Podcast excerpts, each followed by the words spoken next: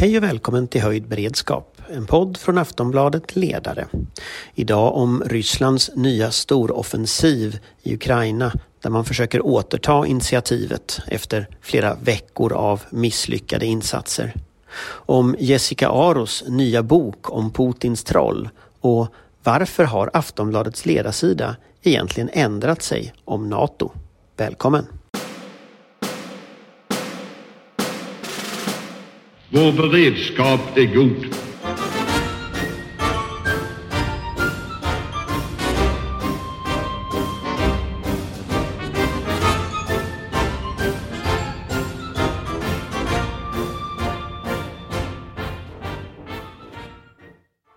Ja, hej, då är vi tillbaka här.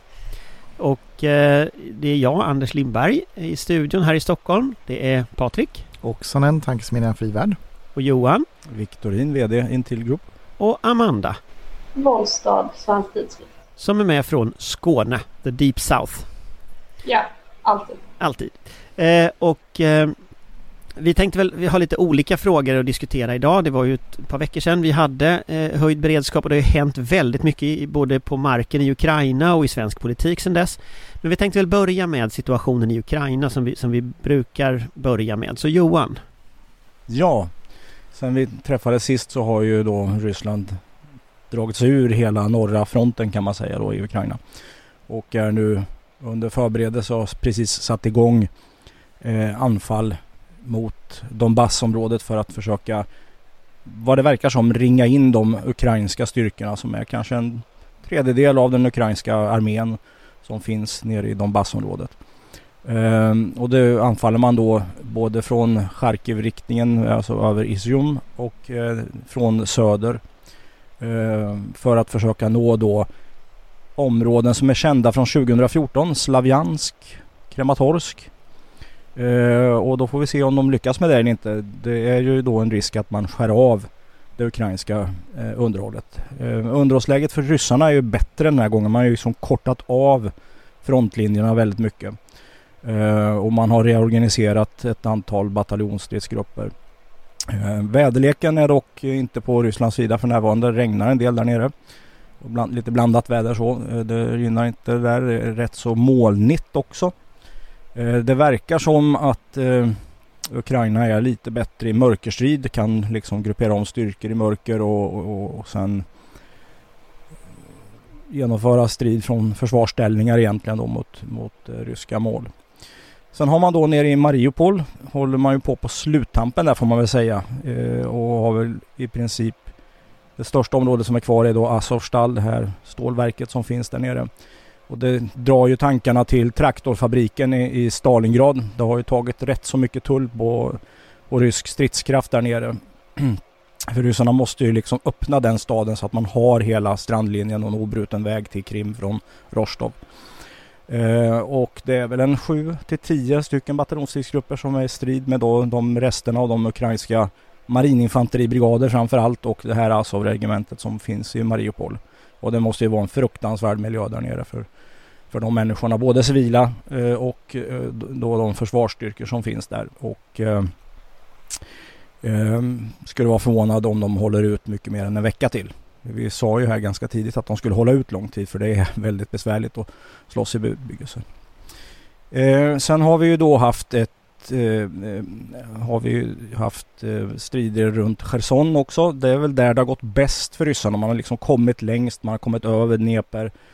Man har marscherat i östlig riktning efter att man har tagit Cherson och försöker nu hålla den så länge man kan för att vad jag bedömer då kunna ha någon slags riggad så kallad folkomröstning där man utropar någon form av republik eh, för att då kunna uppnå ett politiskt mål. Allt där handlar ju om att man ska då kunna till segerdagen den 9 maj kunna säga att man har gjort det man skulle göra från början och då har man liksom tagit Donbass och kanske till och med kan utropa ett Novarossia eh, som sträcker sig till Krim. Om man tittar på en karta så är det viktigt att, alltså Cherson är ju precis norr om Krim.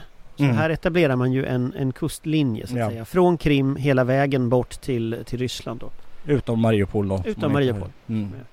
Om, om, om du gör, kan, kan, du resonera lite kring den här sänkningen av Moskva? Det är alltså flaggskeppet i den eh, ryska Stilla havsflottan som ju verkar ha sänkts av, av eh, Ukraina med Mm. två sjömålsrobotar. Mm. Ja men det är sant. Eh, flaggskeppet då som eh, fungerar som en, eh, har vi egentligen två stycken huvudfunktioner. Det ena är att fungera som en kupol för alla andra fartyg i Stillahavsflottan. Så Som mindre korvetter och fregatter som kan skjuta med sina kaliberrobotar mot eh, ukrainska markmål. Och från Moskva kan man också leda hela flottan. Det är också viktigt att komma ihåg. Och det, det gör man ju inte bara för att skjuta mot markmål utan också för att upprätthålla en blockad mot ukrainsk handel. Eh, Så man stryper ju eh, den ukrainska eh, exporten eller handeln överhuvudtaget, även importen. Eh, Och jag kan väl avsluta med att säga att det, det här är ju naturligtvis en enorm prestigeförlust eh, för Ryssland. Förutom att man då saknar den här funktionaliteten. Men det är också så att det här sammantaget är också en ändring i sättet som Ryssland slåss i nu. Från det här lite mer kuppartade Tjeckoslovakien, Afghanistan 79 försöket att liksom raskt med överraskning ta Kiev. Cherson kommer det ut information om att där är det troligen så att man har lyckats hitta förrädare som har så att säga inte gjort försvarsförberedelser, som inte har minerat, inte sprängt broar, som har liksom försvunnit från sina platser och sådana saker i samband med den här offensiven. Det kom ut ny- nyheter om det igår. Eh, Men fr- från det försöket till att övergå till en mera Syrien-metod. Där man tar ett område i taget. Eh, Precis som man gjorde i Syrien så efter första halvåret annonserar man ju, om ni kommer ihåg, vi ska dra oss ur. Men det gjorde man ju aldrig. Utan man koncentrerade sina styrkor och så anför man Palmyra och sen anför man Aleppo. Och vi kommer få se liknande. Först, först tar man Donbass och sen tar man kanske Charkiv och sen tar man Cherson och liksom försöker pusha där. För det man håller på med det är ju att slå sönder den eh, ukrainska infrastrukturen. Ungefär en tredjedel av all industri eh, är då antingen förstörd eller skadad. Hur mycket reserver har Ryssland att sätta in? Man byter taktik säger du, man riktar in sig på att ringa in de här trupperna. Och det tillhör väl om jag förstått saken rätt också Ukrainas bästa styrkor så att det på något sätt måste man hantera den frågan från Ukrains sida. Alltså hur, hur mycket reserver har ryssarna att sätta in för att liksom pressa framåt nu? Nej, de har ju omedelbart gripbart det de nu sätter in. Sen har de inte så mycket mer. Och det som är väldigt intressant är förutom det här att man har dragit resurser från det östra militärdistriktet från Sibirien som visar att man inte är rädd för en- attack från Ryssland. Så vet vi också nu med tanke på att varenda brigad i princip med undantag från en är helt borta från Murmansk, Sankt Petersburg, Kaliningradområdet. Varenda brigad utom en är nere i Ukraina och slåss. Och det visar ju också att det här snacket om att NATO skulle vara aggressivt, man, man tror ju inte på det ens själv. Om jag flikar in där så eh, den eh, 200 motoriserade brigaden i Pechenga den eh, har jag förstått eh, eh, är väl stort sett utslagen som, som förband efter striderna i Charkiv till exempel. Men, men, men, Och Pechenga det är då norra delen av, av Finland på, på andra sidan då så att säga. ja precis, det är, det är no- norraste delen eh, av det ryska försvaret där. Men det är ju också de här luftlandsättningstrupperna som vi ofta i Sverige pratar mycket om, de ryska luftlandsättningstrupperna. De verkar ju ha gått åt något fullständigt. Ja, de har ju liksom anfallit. De, de ha, med ryska mått mätt då ett bättre kvalitet. Och har då försökt att liksom För de här fanns ju trycka- på andra sidan Östersjön och det var ju Ja. någonting vi såg i Sverige Ja. som ett hot. Men de verkar ju vara helt utslagna Så- också. 76 divisionen i Pskov har gått illa åt och det är ju ett av deras absolut finaste förband får man ju säga då utifrån liksom militär förmåga. Men de har ju alltså då satsat för fullt för att trycka sig framåt och då mött på Ukrains motstånd som de inte mäktar med i form av troligen tyngre styrkor som inte vi har fått se så mycket av för det har inte liksom passat i bilden som Ukraina vill sätta om att det här är David mot Goliat. Men de har mött artilleriförband, de har mött stridsvagnsförband där uppe. För nästa fråga är ju då frågan om tunga vapen. Uh, för om jag har förstått, om man lyssnar på, på, på uh, Ukrainas liksom ledning när man talar i olika parlament så pratar man ju om man vill ha haubitsar, man vill ha stridsvagnar, man vill ha stridsflyg. Uh, alltså, vad får man?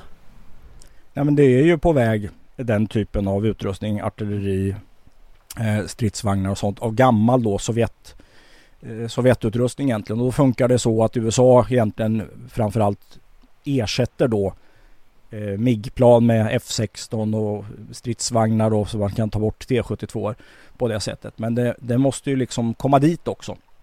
Eh, det som är en fördel med att använda den utrustningen är ju att den är ju väl känd i Ukraina så att man kan omedelbart egentligen ta över den och börja använda den. Man kan kannibalisera på den till och med och reparera fordon som varit insatta i strid och sånt då. Eh, men USA har ju nu också dessutom då gjort sitt första steg där man börjar utbilda på mer modern utrustning. Eh, och då, det är ett tecken på att man tänker lite längre fram och de ska ju dessutom få då artilleriradar och luftvärnsradar och sånt också så att de kan förbättra sina förvarningstider. Om du tittar på styrkebalansen här. Det som du ser nu på väg in i Ukraina respektive det som ryssarna trycker mot eh, österifrån. Kommer det som väst nu säger att Ukraina får, kommer det att räcka för att bromsa in det här? Eller vad, vad kommer att hända nu?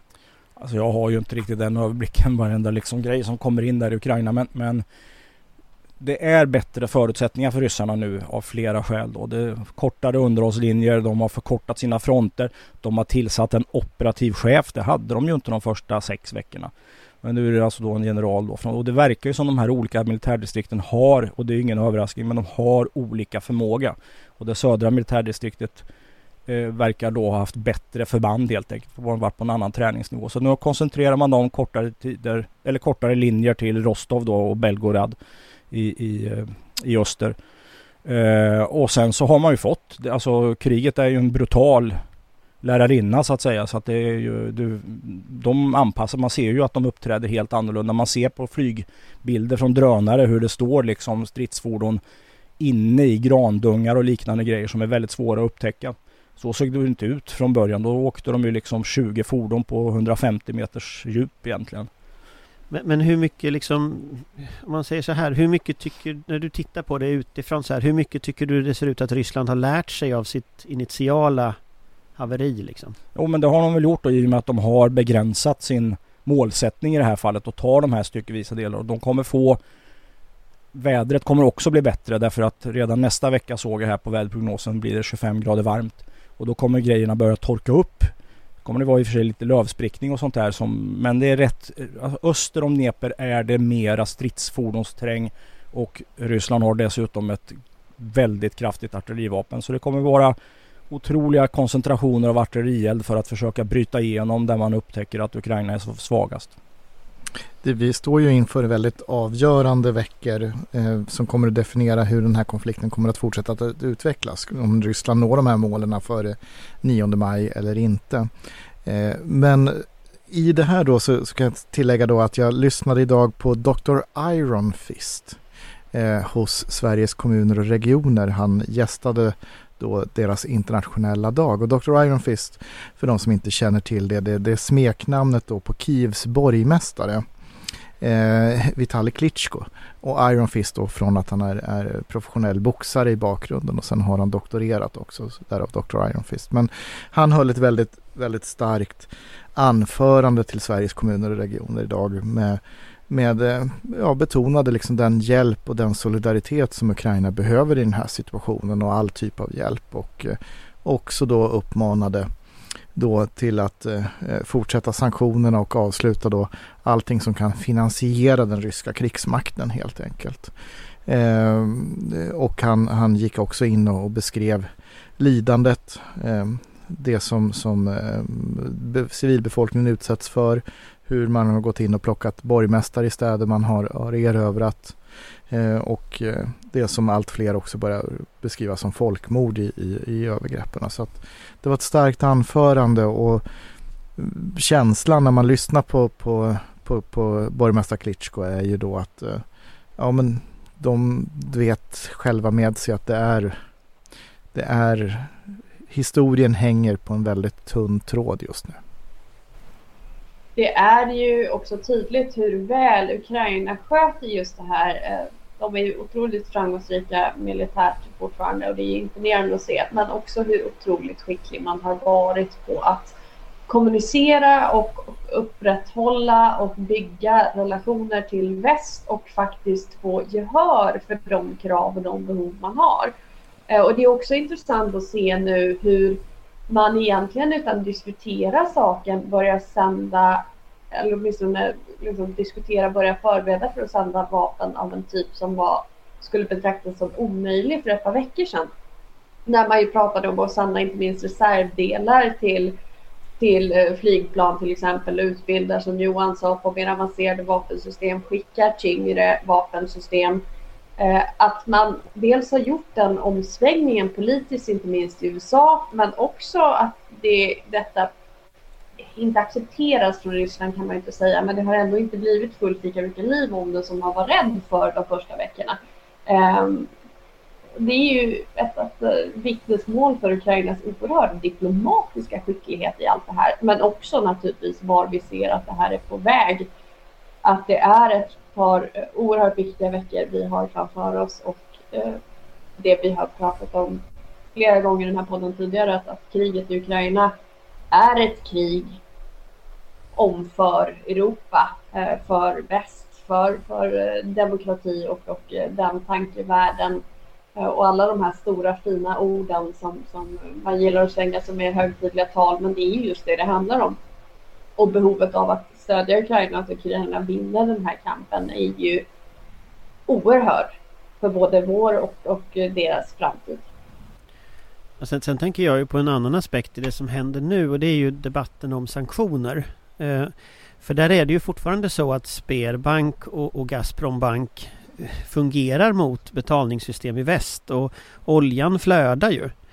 Uh, och det där är ju någonting som jag tror att det kommer bli allt mer svårt att upprätthålla för politiker i väst också. Alltså kritiken kommer att öka, inte minst mot Tyskland. Uh, och då ligger det också i, i korten här Tyskland krävde ju oerhörda uppoffringar av Grekland och Italien och Spanien och tidigare liksom hela den eurokris som har varit. Man har haft en väldigt högstämd retorik från Berlin. Och nu när kraven ställs på att Tyskland ska göra någonting då, då, då, är det inte lika roligt längre. Och det är klart att det där känner ju också den tyska ledningen av. Och, och, om vi tänker att det här blir en allt mer långt utdragen konflikt så kommer ju också, tror jag, ekonomi att börja spela roll. Och där är det också viktigt vilken linje Sverige driver i de sammanhangen. Att vi faktiskt klipper fullständigt av pengaflödena till Putin. För det är ytterst det som finansierar om det här blir långsiktigt från Rysslands sida. Och det blir ju dessutom allt mer essentiellt. Jag menar, vi har ju sett bilderna från Butja och flera andra eh, befriade städer. Eh, men det är ju tyvärr förmodligen ingenting mot vad som har skett i exempelvis Mariupol och större städer där man har haft kontroll längre. Och det kommer ju bli en omöjlighet, inte minst för Tyskland med deras historik. Och sen kan man ju tycka vad man vill om att det fortfarande spökar i bakgrunden, men det gör det ju. Att fortsätta stödja den ryska krigskassan av ekonomiska och bekväma skäl när vi ser de bilder vi ser från befriade territorier i Ukraina. Det kommer ju inte hålla. Det är en politisk omöjlighet. Johan? Ja, nej, jag är väl lite tveksam där när det gäller, alltså Sperbank det sanktionerar man inte därför man är rädd för effekterna i Östeuropa eftersom det är en väldigt stor bank. Och olja gas till Tyskland bland annat då, det, det går inte att skjuta sig själv i foten. Man bör avveckla det här beroendet så fort man kan. Men att bara göra totalt halt, då får vi tävla med Ryssland i att dra åt svångremmen och det kommer inte Tyskland vinna, eller Europa vinna. Utan det ska fasas ut så fort som möjligt. Eh, däremot så finns det andra sanktioner som verkligen biter. Vi har ju pratat om andra finansiella sanktioner. Där har man gått ganska långt. Vi har faktiskt handelssanktioner som är ganska omfattande nu. Inte så att det ligger fartyg och hindrar ryska fartyg från att anlöpa utan man tar helt enkelt inte emot ryskt gods. Det är en, en indirekt handelsblockad och det är ju väldigt effektivt. Och sen har man kanske det mest kraftfulla vapnet. Det är ju teknikexportförbuden eh, som finns till Ryssland som gör att de inte kan nytillverka eh, och, och, kanske till och med inte ens kan reparera sina luftvärnsrobotar och, och stridsvagnar och gud vet allt sånt. Så att det, vi får nog bereda oss på att det kommer ta lite tid där. Jag tänker att det, det, det läget, läget är ju som det är. Nu står vi inför slutstriden här i, i, i Mariupol med största sannolikhet och vi får väl se vad som händer. Eh, men om vi flyttar oss lite till den svenska debatten eller den nordiska så i onsdags så kom ju den finska redogörelsen för eh, utrikes eh, eller det tillägg till den redogörelse man har eh, deras motsvarighet till en, en, en, ja, en utrikesdeklaration ungefär eller regering, säkerhetspolitisk regeringsdeklaration kan man säga. Eh, och den var ju väldigt intressant att läsa. Den, den finns på nätet för alla som vill ha. Eh, men den är också väldigt tydlig i att man ser ett man öppnar nu vägen mot ett, ett NATO-medlemskap. Och det var ju också statsminister, finska statsministern kom ju till Stockholm för att här eh, tillsammans med Magdalena Andersson berätta för Sverige innan detta kom och tillsammans på en presskonferens eh, berätta om det. Det är en oerhört signalvärde i, i det här som händer. Eh, sen dess så har då eh, till exempel min ledarsida, Aftonbladets ledarsida, eller vår, har ju bytt åsikt i frågan. Eller bytt och bytt, men vi har då eh, naturligtvis alltid tyckt så, jag på att säga. Nej, men vi har ju, vi har ju tvärvänt, så är det. Eh, och, det var en väldigt bra ledare. Tack. Var, vi, har, vi har ändrat oss och det har naturligtvis verkt fram under flera veckors tid det här. Eh, ända sedan invasionen har det ju verkt fram. Men det som verkligen är Eh, det som verkligen är förändringen det är ju naturligtvis att Finland nu på riktigt inleder en högst formaliserad och väldigt snabb process mot medlemskap. Eh, vilket ju gör att den linje som Sverige har haft hamnar ju i, den blir ju i realiteten inte funktionsduglig längre. Eh, och därför har vi ändrat åsikt och det har jag skrivit om idag så att, så att det har varit lite rörigt medialt för mig med massa frågor hit och dit under dagen. Eh, men det är två stora saker som har hänt. En, en stor och en lite mindre. En liten sak för Aftonbladet men en stor sak ja. för mänskligheten. Nej, eller tvärtom. eh, nej, men så det är väl det som har hänt lite eh, som är. Och eh, om jag bara ska liksom kort säga hur, hur vi resonerar när vi har pratat om det här på, på, och diskuterat och vad jag skriver också. Eh, så handlar det ju egentligen om två kan man säga, faser. Det ena är ju att den, den ryska invasionen den är ju i praktiken en fullskalig invasion på en nivå och ett sätt och metoder vi inte sett sedan andra världskriget. Där syftet är ju att förinta Ukraina som stat. Det är ju ganska uppenbart. Eh, det är också en del i en rysk strategi att upprätta en, en intressesfär i östra Europa som ju också innefattar Sverige. Eh, där Sverige, där Moskva skulle ha veto mot vår utrikes och eh, försvars och säkerhetspolitik.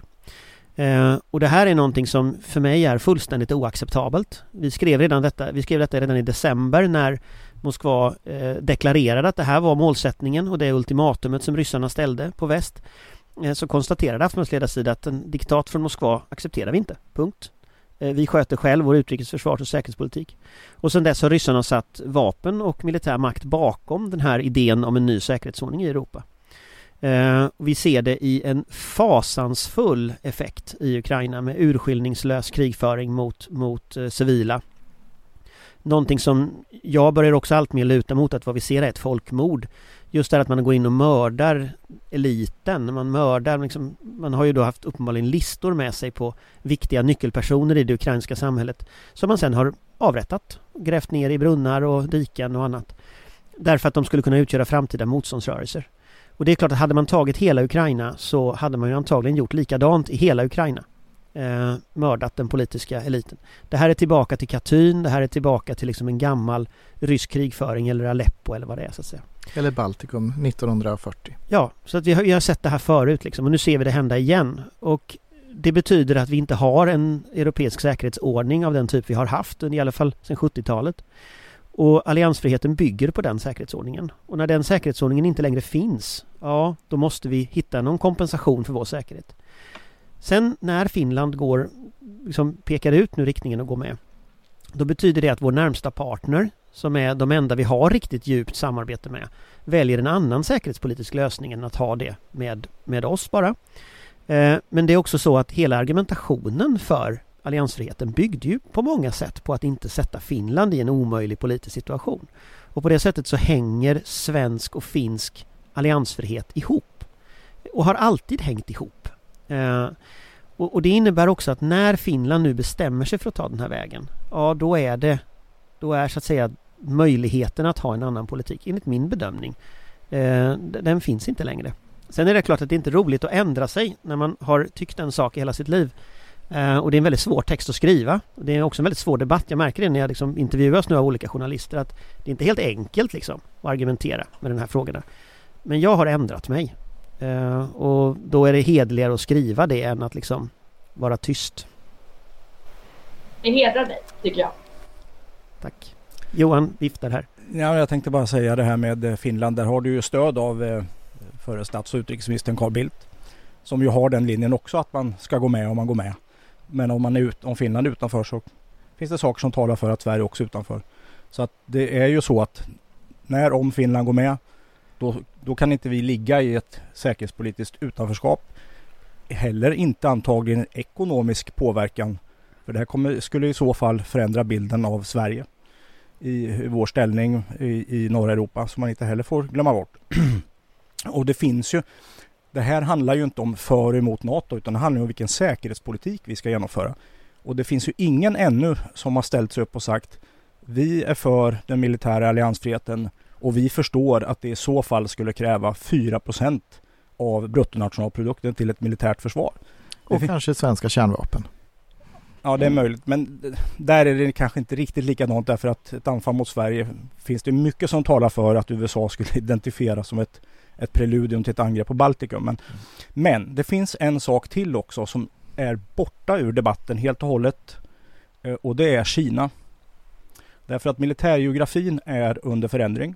Kina kommer genom Arktis. Kina kommer genom informationsteknologin.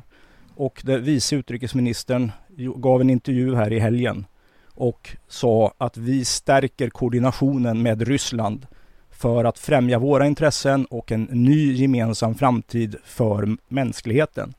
Så att det inte, nu när vi ser hur det går för Ryssland där borta så ska vi inte vifta bort det och säga att de var inte så bra som vi trodde. Utan det kommer forma sig en helt annan världsordning faktiskt som vi då måste stå upp emot om vi tror på de värden som vi tror på. Det är ju i mångt och mycket geopolitikens återkomst vi ser och där har det varit tydligt, även om vi har stått utanför NATO så har det ändå alltid varit tydligt var vi hör hemma i vilken gruppering och vilken idévärld. Eh, och att vi nu tar steget fullt ut och blir fullvärdiga medlemmar även i NATO är ju naturligtvis någonting jag eh, välkomnar. Men vi ska ju också minnas att om, om, Finland går med så skulle det också förändra och Sverige inte skulle göra det så skulle det också förändra det svensk-finska samarbetet. Vi har ju sett det ganska tydligt i vårt samarbete med Norge och Danmark som för all del är ganska långtgående eh, men där de väldigt tydligt prioriterar NATO. Eh, det är det de ser som sin säkerhetssfär sin säkerhetsgaranti och att dessutom samarbeta med Sverige är naturligtvis utmärkt men, men tvingas man välja eller prioritera så är det inte Sverige och Finland som har hamnat högst i kurs.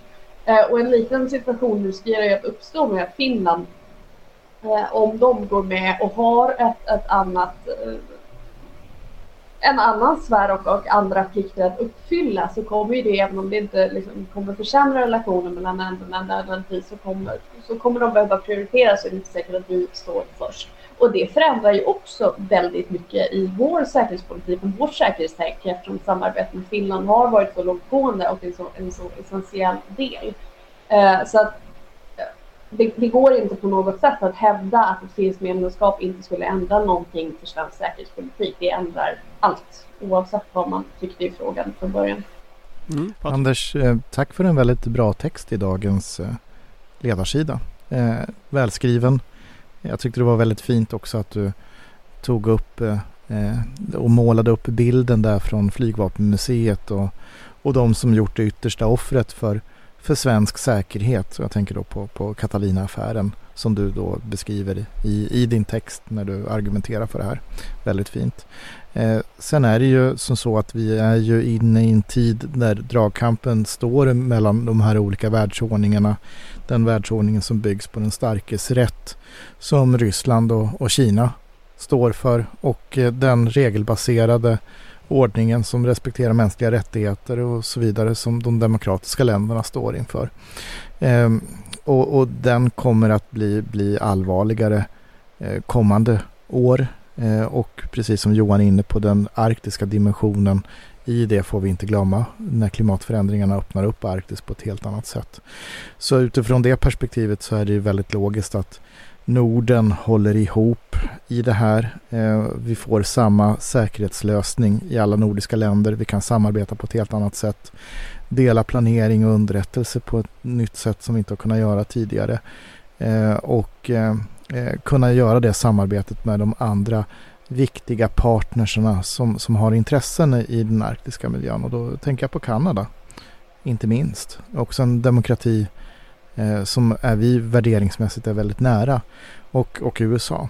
Så att eh, i det perspektivet så är det här ett, ett eh, det, det, är ett logiskt steg. Eh, egentligen inte särskilt dramatiskt förutom att det, det är ju naturligtvis jobbigt att, att behöva ändra sin, sin bild och sin uppfattning och, och, ta det klivet. Men tittar vi på det utifrån det perspektivet så, så, så är det, det är bra.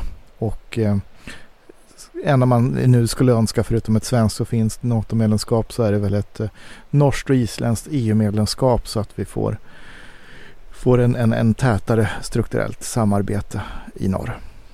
Jag hoppas också, jag vet inte riktigt hur de gör den där säkerhetspolitiska analysen i, under UDs ledning men jag skulle vilja där att eh, politiken går igenom vilken roll ska vi spela i NATO om vi ska lämna in en ansökan. Vi har ju de här eh, lite mer, mer kända frågorna som ska vi basera trupp här och i fredstid och sådana saker. Men det är också då, ska vi delta i kärnvapenplaneringen då, som alla gör utom Frankrike? Eh, för det är ju då ett sätt att kunna bedriva kärnvapenpolitik. Så ser nog åtminstone Norge och Danmark det. Eh, hur, vill vi ha hit någon NATO-stab? Det är däremot en helt annan sak för det är en organisation. Det handlar ju inte liksom det kan man ju tänka sig. Norge har haft högkvarter, Polen har högkvarter, alltså olika slags högkvarter för träning och, och eh, operativ eh, utveckling av operationskonst och sådana saker. Så att det får man liksom fundera igenom. Vilka staber ska vi besätta? För det här handlar ju liksom om vilket inflytande vill vi försöka få i NATO i så fall. Det skulle jag gärna vilja se en diskussion om. Och det är en massa praktiska utmaningar ja. där. Bland annat att få vår officerskår att räcka till till att Precis. besätta alla tjänster. Vi lider ju av officersbrist. Men man kan ju säga det att det är, det är också en diskussion som inte riktigt är för den riktigt. Alltså vad ska vi göra med det här medlemskapet? Eh, och, och där ser jag också nu den, den, den process som sker i Socialdemokraterna nu. Det är ju att nu börjar ju de här eh, den här säkerhetspolitiska dialogen. Så just nu så, så förs ju en diskussion ute i partiorganisationen eh, som är väldigt bred eh, och väldigt spretig. Och jag följer ju ganska nära den här via Facebook för alla säger vad de tycker på Facebook. Eh, men där kan jag väl också tycka att liksom det, nu måste ledningen snart börja kliva fram och också liksom, vara tydlig med vad är det som står på spel? Hur ser den här spelplanen ut? Eh, och att de människor som tycker olika saker faktiskt säger det. Därför det är väl alltid så här i politiska processer att det blir liksom ingen säger någonting och sen plötsligt har alla ändrat åsikt och då blir det också konstigt liksom. Vad, men vad har hänt egentligen? Och här tror jag man vinner på att ha en transparent process. Och det finns ju det här är ju lite målsättningen med det upplägget som de har att, att, att ha det här. Eh, och den börjar ju nu mm. så det är ju tidigt att recensera den så att säga. Eh, mm. Eh, men den kommer ju att landa någonstans i mitten av maj. Eh, sen så kommer ju den här utredningen att landa i slutet av maj. Och sen så kommer ju naturligtvis man att tvingas fatta någon form av beslut. Och det ligger ju bara ett par månader bort i tid nu. Så det här är ju en process som blir så att säga väldigt väldigt intensiv i samhällsdebatten tror jag också. Där många människor kommer att liksom vara en del i det. Jag skulle ju säga att det ligger en månad bort. Du sa ett par månader bort. Eh, för du har ju den processen då i slutet av maj i praktiken. Ja, jag, jag, flyttade den till juni mera. Så att, ja, och så skruvade du det till. Skruvade lite till, till två, månader. två månader. Men, men det, det, är i alla fall, min poäng var att det var en kort process och din poäng understryker ju lite att det är en kort process. Men jag tror det är viktigt att man försöker ha en så öppen process som möjligt nu. Att man har liksom en diskussion om detta, att folk faktiskt går ut i debatten och säger vad de tycker. Eh, och det tror jag man skulle vinna på om fler gjorde och det ligger lite bakom varför vi agerar lite som vi gör. Att nu säger vi, så här tycker vi. Och eh, eh, då får man liksom ta ställning till det. Så kan man vara invända mot och ha andra vinklar och liksom vända och vrida och sådär. Eh, för det är inte så svartvitt som det ibland framställs. Alla de här frågorna Johan tar upp finns också i den här diskussionen. Uh, och, och, hur, liksom, vilken roll Sverige ska ha i utrikes säkerhetspolitisk framtiden. Finns ju också i detta. Ska vi nu vinkar Amanda väldigt vilt här. Vi har, jag vet inte hur väl jag syns här på min ja, jag ser hörn av skärmen. Ja, bra. Uh, vi är ju på väg in i en väldigt känslig tid nu också. Och det ska vi också vara väldigt, väldigt medvetna om. Att eh, nu när det börjar verka som det kanske finns en möjlighet för ett svenskt ansökan i svenskt medlemskap, eh, NATO börjar luta åt en ansökan, då kommer det ju öppna upp naturligtvis för väldigt mycket eh, desinformation och troll och eh, påverkansoperationer och jag vet inte allt. Vi såg ju en häromveckan veckan med den här finska riksdagsledamoten vars namn jag har förträngt, Patrik nu hänger jag inte med. Den eh, har jag Han missat. var ute och eh, hävdade att Hultqvist minsann... Ah, ja, ja. Det tror man. Erketomio, ja. Just det. Att Hultqvist minsann ville driva eh, någon slags eh, annan option med ett eh, officiellt samarbete med Finland utanför NATO. Och det visade sig att eh, den här ganska hårdragna rubriken om att Hultqvist vill ha en alternativ lösning visade sig vara eh, den här riksdagsledamoten som hävdade att Hultqvist hade sagt till honom att han ville ha en lösning oavsett- oklart hur mycket konjak som var involverat. Eh, och den typen av, av situationer kommer vi bara få mer av och det gör det väl ännu viktigare att tunga röster inom den svenska debatten, både i och utanför socialdemokratin och inte minst kanske regeringsföreträdare, börjar tala öppet om vad de tänker och vad de står just för att förekomma den här typen av desinformation eh, och också vara tongivande i debatten. Eh, vi ska nog inte underskatta hur stökigt det här kan bli inrikespolitiskt om vi inte hanterar debatten på ett rimligt sätt. Och därför är det viktigt att hålla huvudet kallt och, och inte springa på, på alla bollar och särskilt inte de som kommer från Erki i, i Helsingfors där. Eh, men det är en annan historia. Eh, det jag tänkte lyfta eh, som jag inte riktigt hann säga det, det är ju en, en diskussion också kring vårt NATO-medlemskap. Eh, det är ju huruvida vi ska delta med, med, i eh, försvaret av Baltikum eh, med aktivt med svensk trupp också. Det finns ju NATO har ju frambaserade eh, roterande bataljoner eh, under olika länders ledarskap då. Eh, för mig att det är britterna som leder i Estland. Kanadensarna i Lettland och tyskarna i Litauen tror jag. Eh, och där man kan, kan ingå också. Det är också sådana där avvägningar och diskussioner. Så att vi har ju en viktig diskussion kring vad vill vi göra med vårt medlemskap i den stunden vi faktiskt har bestämt oss för att vi vill bli medlemmar. Jag kan säga att, att eh, Amandas ingång blev en liten bra övergång till nästa sak jag tänkte vi skulle prata om nämligen eh, sen, jag, jag gillar Erkki Tommy och jag ska säga han, han är en, en, en, en fin gammal politiker som kanske just i det här fallet hamnar lite snett men han har också bidragit väldigt mycket till en socialdemokratisk debatt eh, under årens lopp så att, så att man kan inte bara dissa ut honom även om jag, just det här var inte så lyckat. Det var Eh, väl faktiskt mycket eh, HBLs eh, skuld som satte ett citat som rubrik utan att Ja, ja, ja, ja. tydliga med att det var ett citat, vilket blev väldigt, väldigt. Jag, jag, jag vet inte exakt vad det var som hände men någonting konstigt hände som inte borde ha hänt, det är väl rätt uppenbart.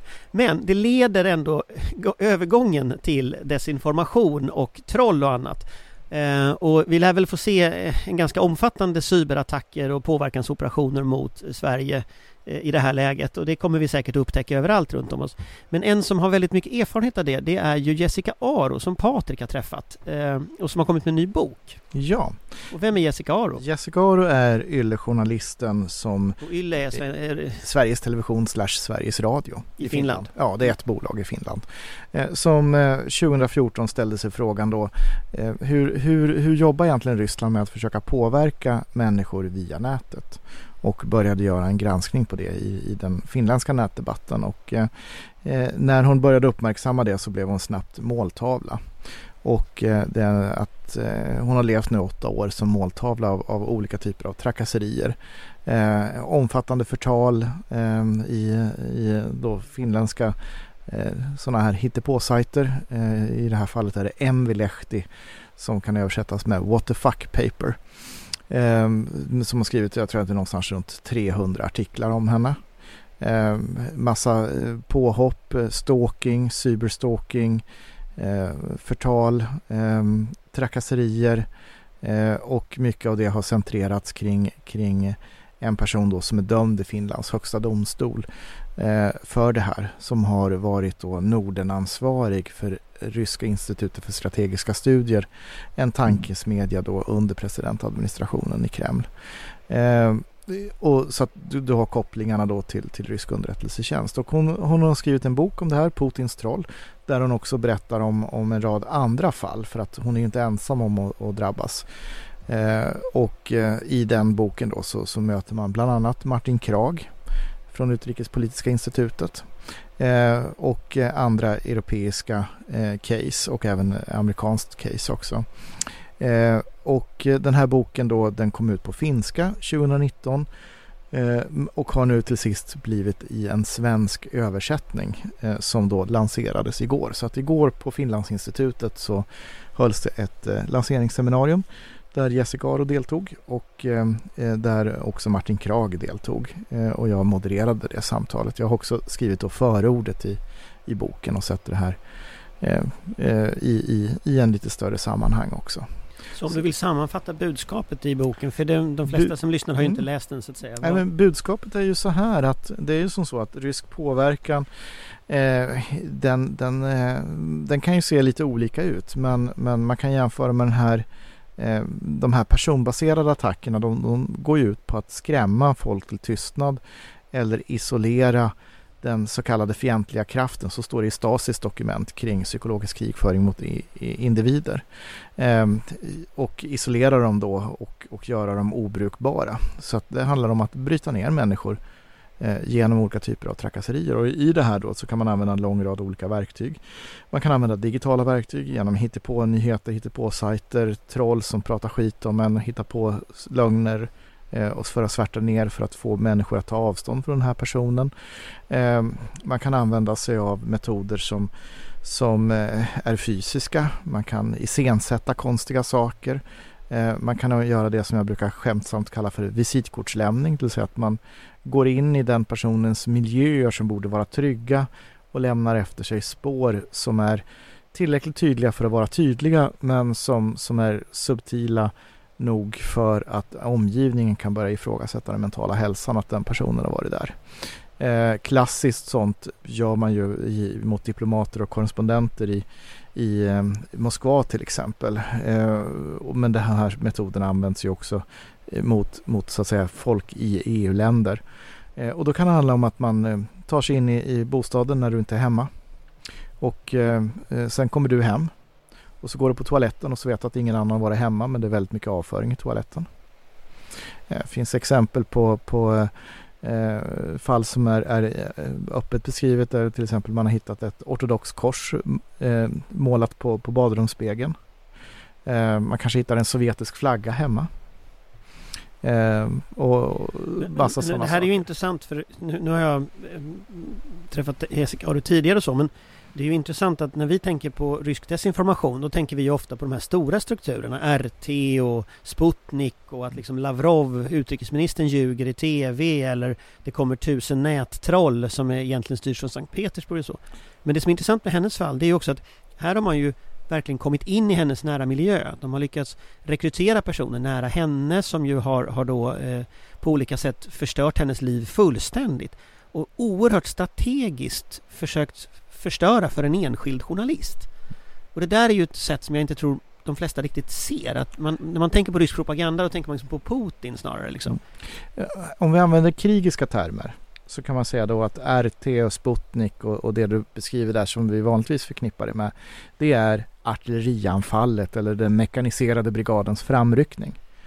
Eh, det vi pratar om här det är prickskytten som tar ut ett enskilt mål en, en identifierad motkraft som är viktig på olika sätt, som på olika sätt står i vägen för det mål man vill uppnå.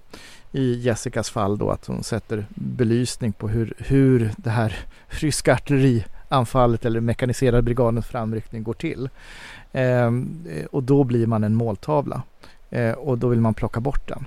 Så att där har du liksom en, en, någon slags jämförelse i det tyckte jag var en bra bild som Patrik gav där. Eh, och, men det är ju inte bara prickskytten för den får ju också sådana effekter av att omgivningen också hukar sig. Att mm. se en enskild journalist kollega bli utsatt för alla de här sakerna kan ju då leda till självcensur. Eh, jag vill bara, jag viftade därför jag hade bara en liten notering. Kan vi inte sluta säga troll? Det är en del av den statliga informationskrigföringen mot vårt land och mot alla andra länder också. Och om jag bara hakar på där så, så det du säger där om tystnad det är det som också är väldigt viktigt för det är en, det är en effekt som vi ser. Människor vågar inte eh, då eh, ge sig in i de här ämnena och eh, i fallet Martin Krag så blev det väldigt tydligt då när Li Bennich Björkman professor, eh, skytianska professuren i, i Uppsala universitet, skrev en debattartikel tillsammans med statsvetarkollegor till försvar för Martin Krag. Och den avslutades med raderna Fler ville skriva under den här, men vågade inte. Och då har alltså svenska statsvetare som inte vågar skriva en debattartikel i en svensk tidning till försvar av en svensk statsvetare eh, inte vågar. Så där har du den effekten. Där har vi också i både fallet eh, Jessica och Martin så har vi också tydligt exempel på just vad man brukar kalla nyttig idioti där det dels finns människor i de här nätverken som eh, aktivt försöker desinformera och destabilisera och, och gör de här personerna illa. Men betydligt fler människor, inte minst ute på tidningsredaktioner och debattredaktioner och så vidare, som inte riktigt förstår vad det är som sker och därmed låter det hända, som tycker att de här artiklarna är lite spexiga och dramatiska eh, och tar in dem, publicerar dem eller som tycker ju det här klassiska svenska mediala att båda sidor måste få komma till tals även om, om ena sidan faktiskt vet vad de pratar om och de andra ljuger och ser rent i ansiktet. Och det är väl en intressant debatt som vi säkerligen kommer att behöva ta fler gånger framöver, inte minst om vi nu närmar oss NATO och all den desinformationen som följer på det. Hur hanterar civilsamhället och det mediala samhället den här typen av, av eh, situationer och hur ska vi förbereda oss för det? Där den, den här väldigt öppna eh, idén vi har haft just om att vi låter, vi låter en infektionsprofessor eh, stå och diskutera med en fyrabarnsmamma som har researchat på nätet om huruvida man ska vaccinera sina barn. Den mentaliteten blir direkt skadlig redan i hälsofrågan men, men kommer bli ett ännu större hot och kan bli på, på många sätt samhällshot i en situation där vi har en part i närheten som aktivt försöker destabilisera oss. Det handlar ju, som Johan så eh, riktigt säger, om eh, krigsföring, informationskrigföring mot det svenska samhället. Eh, det är ju en del av det här hur oerhört illa Jessica och även till del Martin behandlades. Att folk inte stod upp för dem. Folk såg inte vad som var på väg att hända. Man kallade dem paranoida eller tunnhudade eller vad det nu är. En, slags gaslighting på, på samhällsnivå. Och där får vi inte hamna igen. Men hur förebygger vi det? Det man kan säga där det är ju den där falska balansen som journalistiken eftersträvar som, som vi behöver se upp med. Men eh, jag vill gå tillbaka lite grann till, till det här samspelet som prickskytten får med sin omgivning. För det som sen händer är ju också då att det här lever sitt eget liv och människor eh, som, som tror på det här och som är indragna i, i så att säga den mekaniserade brigadens anfallsvärld, om man uttrycker sig så i den ryska propagandavärlden, den börjar ju då agera eh, också självständigt i linje med vad, vad prickskytten då har, har pekat ut som, som måltavla. Så det blir liksom någonting som lever, lever på. Och för Jessicas del så har hon levt åtta år med det här och, och hon säger också då att uh, hon räknar med att det här kommer aldrig att ta slut för henne. Uh, det kommer bli livslånga konsekvenser och uh, vi vet också att det får psykologiska effekter. Det, det, skadar människor, det skadar familjer också. Och i boken så finns det också ett kapitel eh, som handlar om en, en litauisk diplomat, Renatas Juskas. Eh, han finns inte kvar i livet idag. Så att eh, den här verksamheten kan också vara dödlig. Men, men jag tänker på, på jag tror att de, de, flesta har nog inte riktigt förstått, eh, tror jag, den här beskrivningen som hon gör av hur liksom oerhört stor påverkan är. Och den här boken heter Putins troll och den finns på svenska nu. Så att här kan man läsa liksom en ingående skildring. Eh, men sista fråga så här nu med tanke på att vi går ju in i ett säkerhetspolitiskt ganska komplext skede. Vi såg eh, upplopp på gatorna i Stockholm, eh, eller inte i Stockholm, i Norrköping, i Linköping, i Örebro i helgen. Det är en polarisering i samhällsdebatten som är precis det som MSB förut har varnat för på den tiden. Det var MSB som varnade för sådana saker. Eh, vi ser det politiska tonläget gå upp. Eh, väldigt kort, liksom, vad tror ni kommer att hända nu? Alltså vad är det vi kommer att se för politisk dynamik? Inte bara liksom de här utredningar och mäktiga personer i rum som diskuterar utan den dynamik som nu kommer att, att ske i samhället. Skulle en sån sak som Jessica Aro beskriver till exempel, kan den hända igen? Ja, den händer ju hela tiden. Men nu tänker jag i den här debatten som vi ser framåt. Ja, alltså Vad ska man vara vaksam för?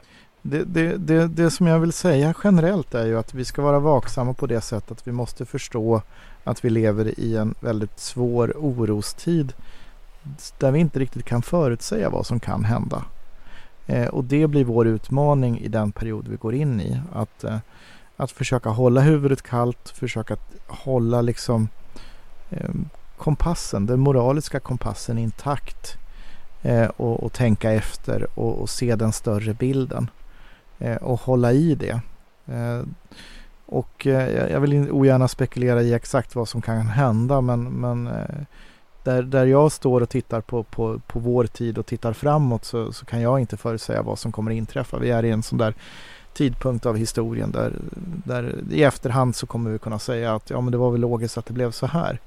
Men, men här och nu så, så, så ligger framtiden i våra egna händer att försöka göra det bästa av situationen. Ja, det, jag vill heller inte spekulera. Jag tror bara att det gäller att ta spjärn och vara beredd på att det här kommer vara väldigt länge. Nej, det är väl ungefär. Jag tror att vi kommer få se ganska mycket stök och otäckheter och, och höjda, höjda tonlägen. Eh, vi ska ju också vara medvetna om att eh, när det sker desinformationskampanjer och så vidare så är det ju ofta betydligt fler som, som nås av den initiala felaktiga informationen än rättelser och nyanseringar. Eh, vilket innebär att vi måste se faran redan med att sprida desinformationen från början. Och de som inte gör det medvetet måste tänka sig än mer för. Det gäller både publikationer och media men också privatpersoner. Att vi är alla en del av eh, totalförsvaret och försvaret av Sverige just nu. Vi befinner oss i en situation där det finns människor, nationer och grupperingar som vill göra oss illa, som använder detta som medveten strategi. Och vi måste vara oerhört vaksamma för att inte göra oss själva till en del av det. Och då vill jag bara påminna om att eh, Ryssland har en underrättelseallians med länder som Iran, Irak, Syrien med flera. Så det behöver inte bara vara eh, en, så att säga, rysk härkomst på, på saker och ting som, som eh, drabbar Sverige. Nej men jag, jag gör ungefär samma reflektion också. Jag, jag, måste säga att jag gjorde verkligen den nu under påskhelgen. Det här som hände nu och när diskussionen kommer med att det är som konton som är utländska konton som är med i det här och att det är samma konton som den här LSS-historien. Då, då, då, då, får jag känna, alltså jag får känslan av att vi, vi är väldigt sårbara. Nu, jag har svårt att tro att folk skulle gå på så här rent, rent öppen rysk desinformation från RT och Lavrov och den där nu. Men det, det liksom letar sig in på andra sätt ändå. Och hur sårbara vi är, hur snabbt vi liksom hur snabbt vi reagerar på den här typen av, av, av händelser och hur, hur, lite liksom hur lite genomtänkt samhällsdebatten är. Och just det här med att ha lite mer is i magen, lite mer källkritik, ta det lite lugnare. Det tror jag skulle bli stor seger i detta. Men tack så mycket för dagens avsnitt. Tack Amanda, tack Patrik, tack Johan och tack alla ni som lyssnar. Vi återkommer väl nästa vecka hoppas jag. Hej hej! Tack! Tack och hej! Tack och hej. Vår beredskap är god.